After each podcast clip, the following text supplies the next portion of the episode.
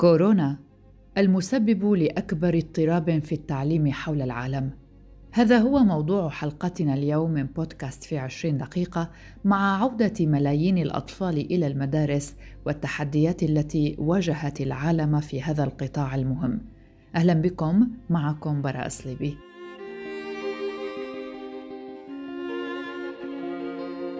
وفقا لتقرير الأمم المتحدة لعام 2020 تسببت جائحة كوفيد 19 بأكبر اضطراب بأنظمة التعليم في جميع أنحاء العالم حيث أثرت على 1.6 مليار متعلم في 190 دولة. وبينما استعد ملايين الأطفال للعودة إلى المدارس بعد أن أثبتت فترة العزل الثقيلة أن الذهاب للمدرسة هو أفضل الطرق لتعليم الأطفال والمراهقين فإن الأمر لن يخلو من تحديات بسبب استمرار العواقب الصحية والاقتصادية والاجتماعية لوباء كوفيد 19 وتحوراته.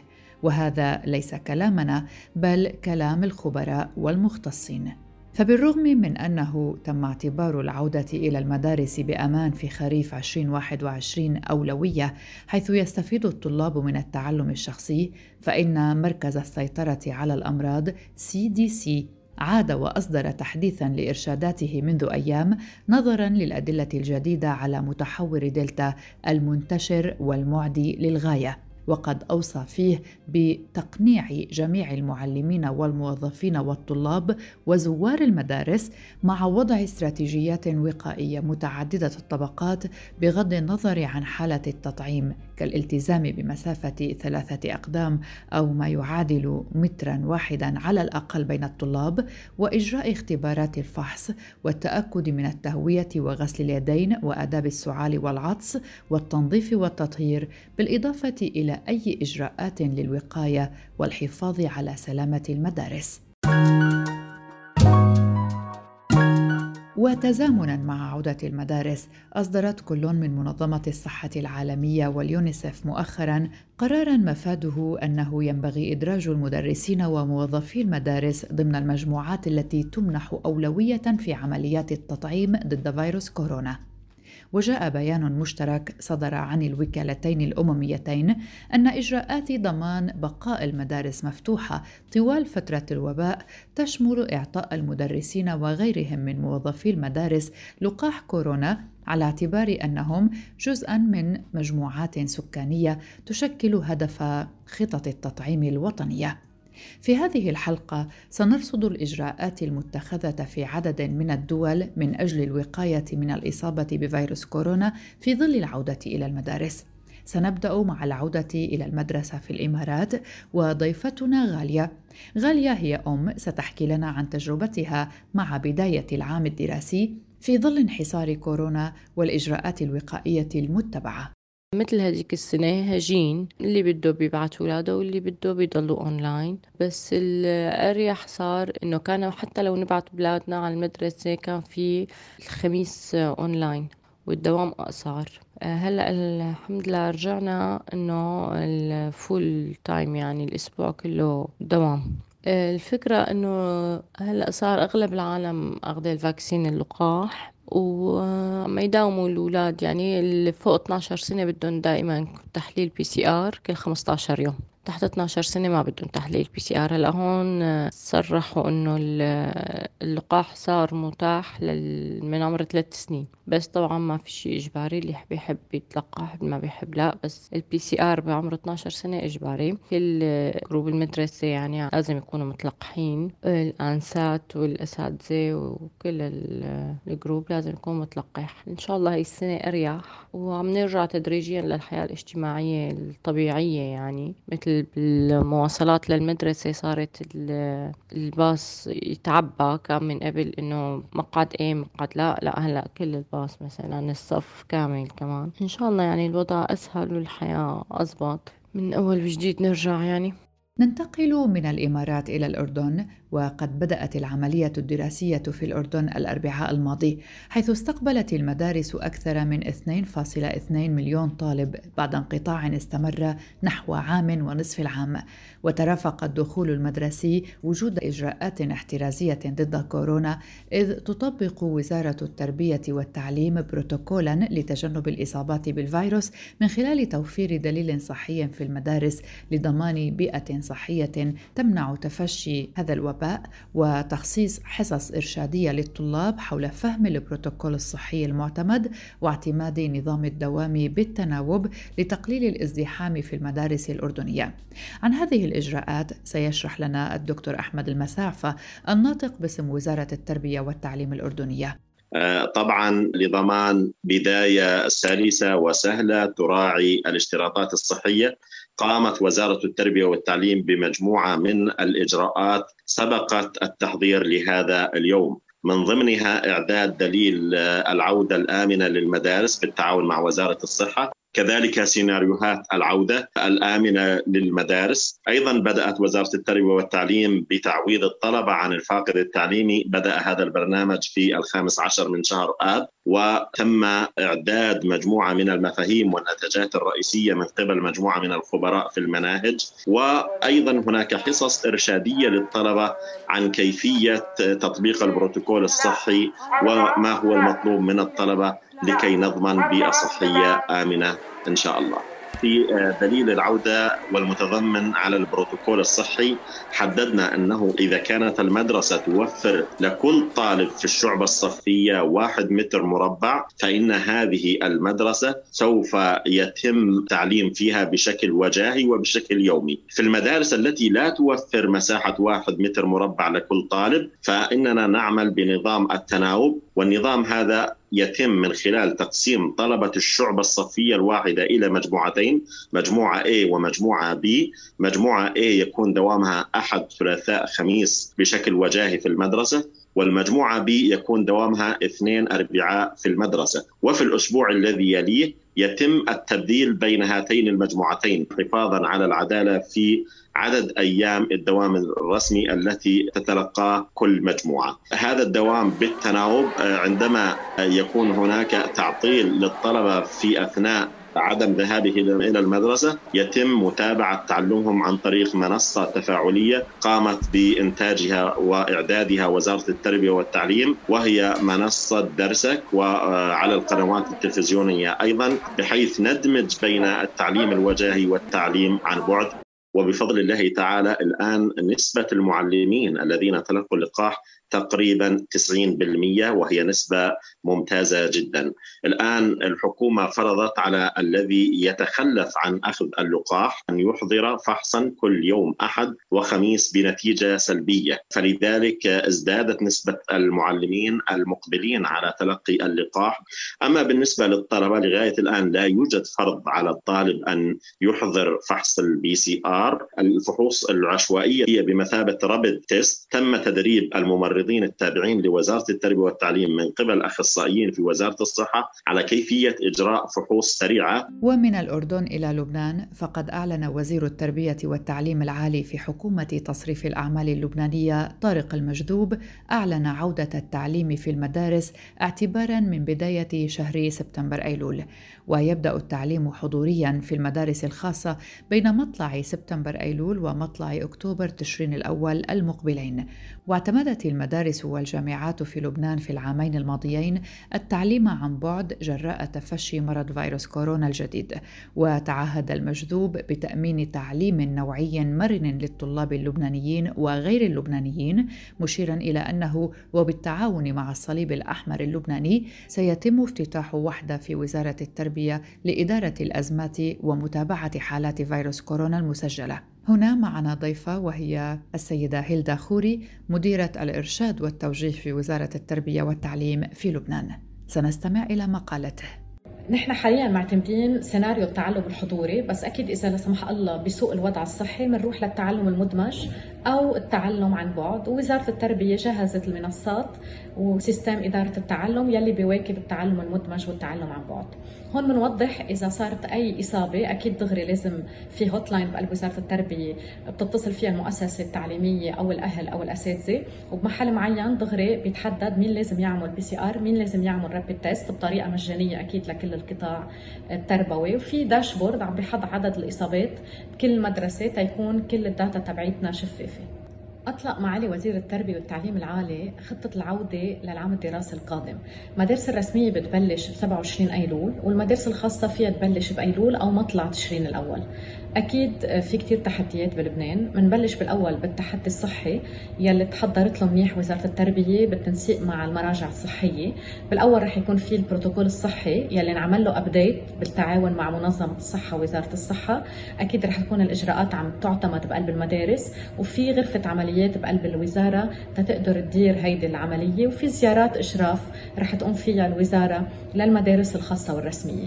كمان في خطة لل testing من rapid test و PCR رح تكون آه، كمان بالتعاون مع وزارة الصحة وبلش الفاكسان للتلاميذ بين 12 و 18 سنة. أكيد إن شاء الله بنخلصهم خلال العام الدراسي. أما التحدي الكبير على لبنان هو الأزمة الاقتصادية الحادة يلي أرخت تقلع على القطاع التربوي ففي كتير تحديات مالية المحروقات مش متوفرة مشان هيك عم بينسق آه، معالي وزير التربية مع كل الوزارات والمؤسسات المعنية تيقدر تنقدر نأمن آه، هودي الأمور خصوصي للأساتذة يلي رواتبهم صارت تقريبا بتساوي بين 50 ل 70 دولار.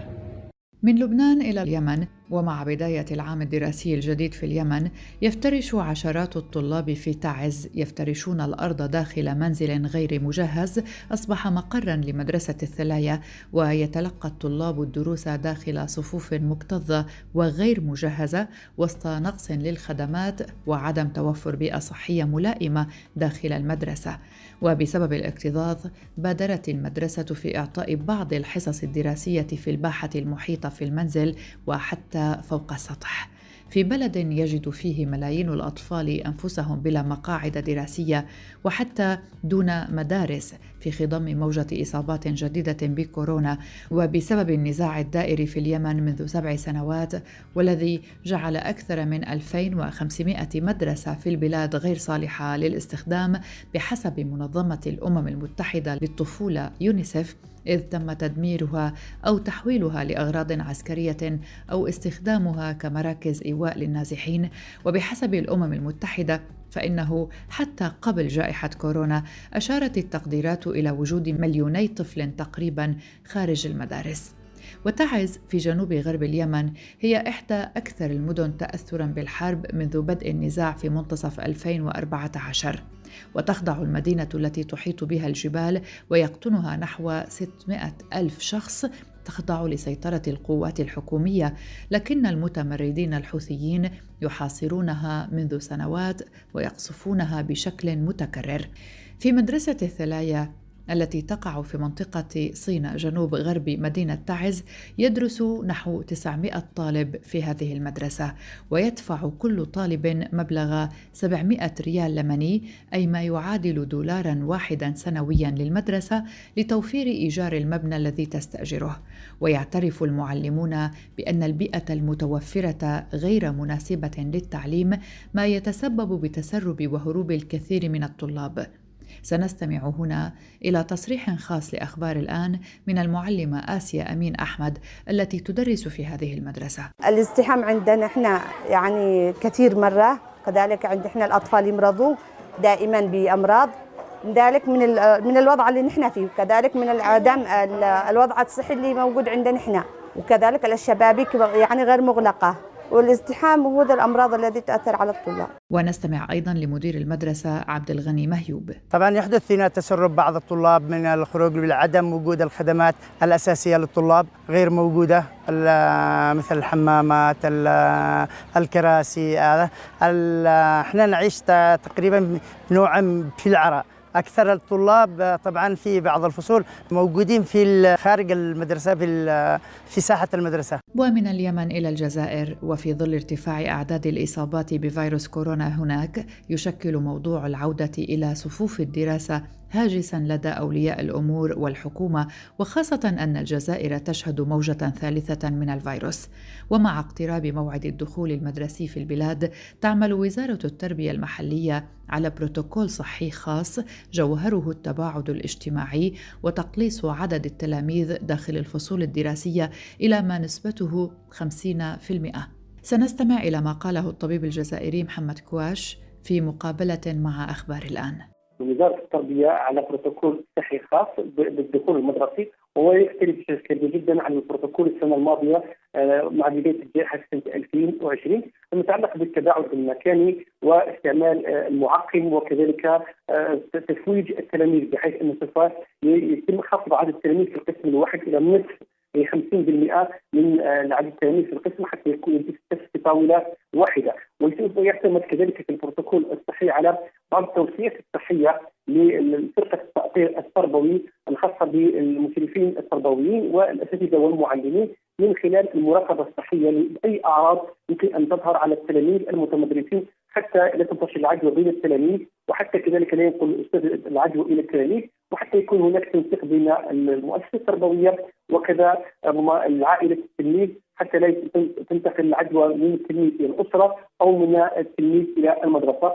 هذه البروتوكول التي في الدولة لا يختلف بشكل كبير جدا.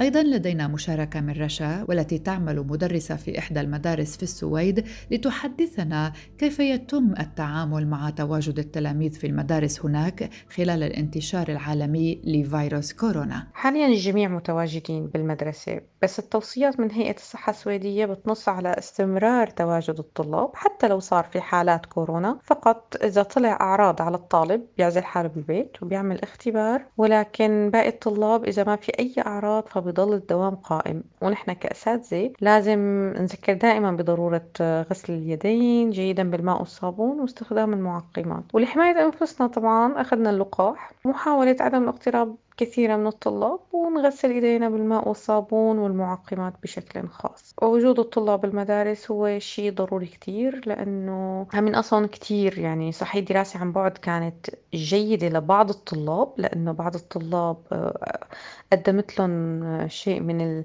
من السكينة ومن الهدوء لأنه بعض الطلاب اللي بيحبوا يشاغبوا آه خلاص أوكي هن عن بعد فما عاد شاغبوا مثل قبل. أما بعض الطلاب اللي بحاجة مساعدة أكثر ما عاد أخذوا هاي المساعدة اللي متواجدة بقلب الصف. فلذلك في إلها سلبيات وإيجابيات الدراسة عن بعد. بمرحلة الإعدادي كانت بتوقع هي سلبياتها أكثر بشوي. ممكن للطلاب الثانوي أو الجامعات إيه الدراسة عن بعد تكون بيتحملوا مسؤوليتها بشكل أكبر. فحاليا لا الكل متواجد بالمدارس وإن شاء الله إنه يستمر هذا الموضوع ونكون كلياتنا متواجدين بالمدارس. وهناك توصيات كثيرة لعودة الأطفال إلى المدرسة لأن الحفاظ على سلامتهم يعد أكبر تحد بالنسبة للأبوين الآن، لا سيما أن متحور دلتا لا يزال يرفع حالات الإصابة بفيروس كوفيد 19 ولهذا قدمت الدكتورة تينا لو وهي مختصة في طب الأسرة وكذلك مؤسسة الصحة العقلية البريطانية قدموا توصيات لضمان إعادة أطفالكم إلى المدرسة بأمان. اولا علينا تعزيز الوقاية اليومية المتعددة فرغم مرور فترة كافية لمعرفة الاحتياطات اليومية التي يتعين اتخاذها لمنع الإصابة بالمرض والتعود عليها كروتين يومي فإنه لا غنى عن التأكد من تعزيزها وتذكير الأطفال بأهمية الالتزام بالتباعد وارتداء القناع وغسل اليدين.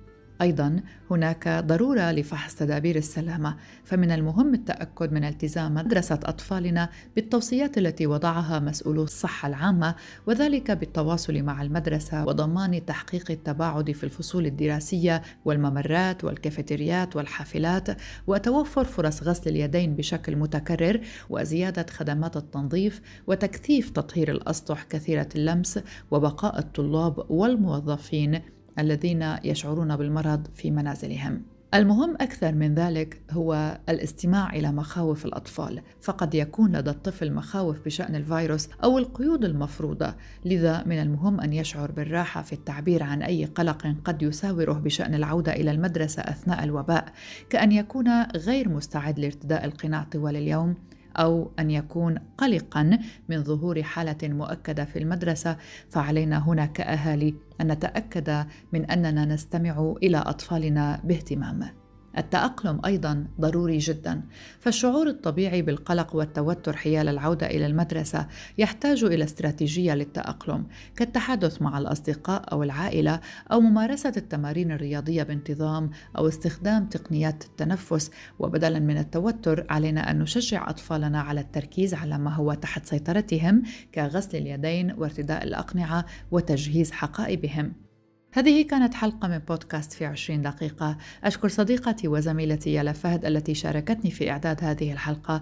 كنت معكم براء صليبي. شكرا لكم لحسن الاستماع. إلى اللقاء.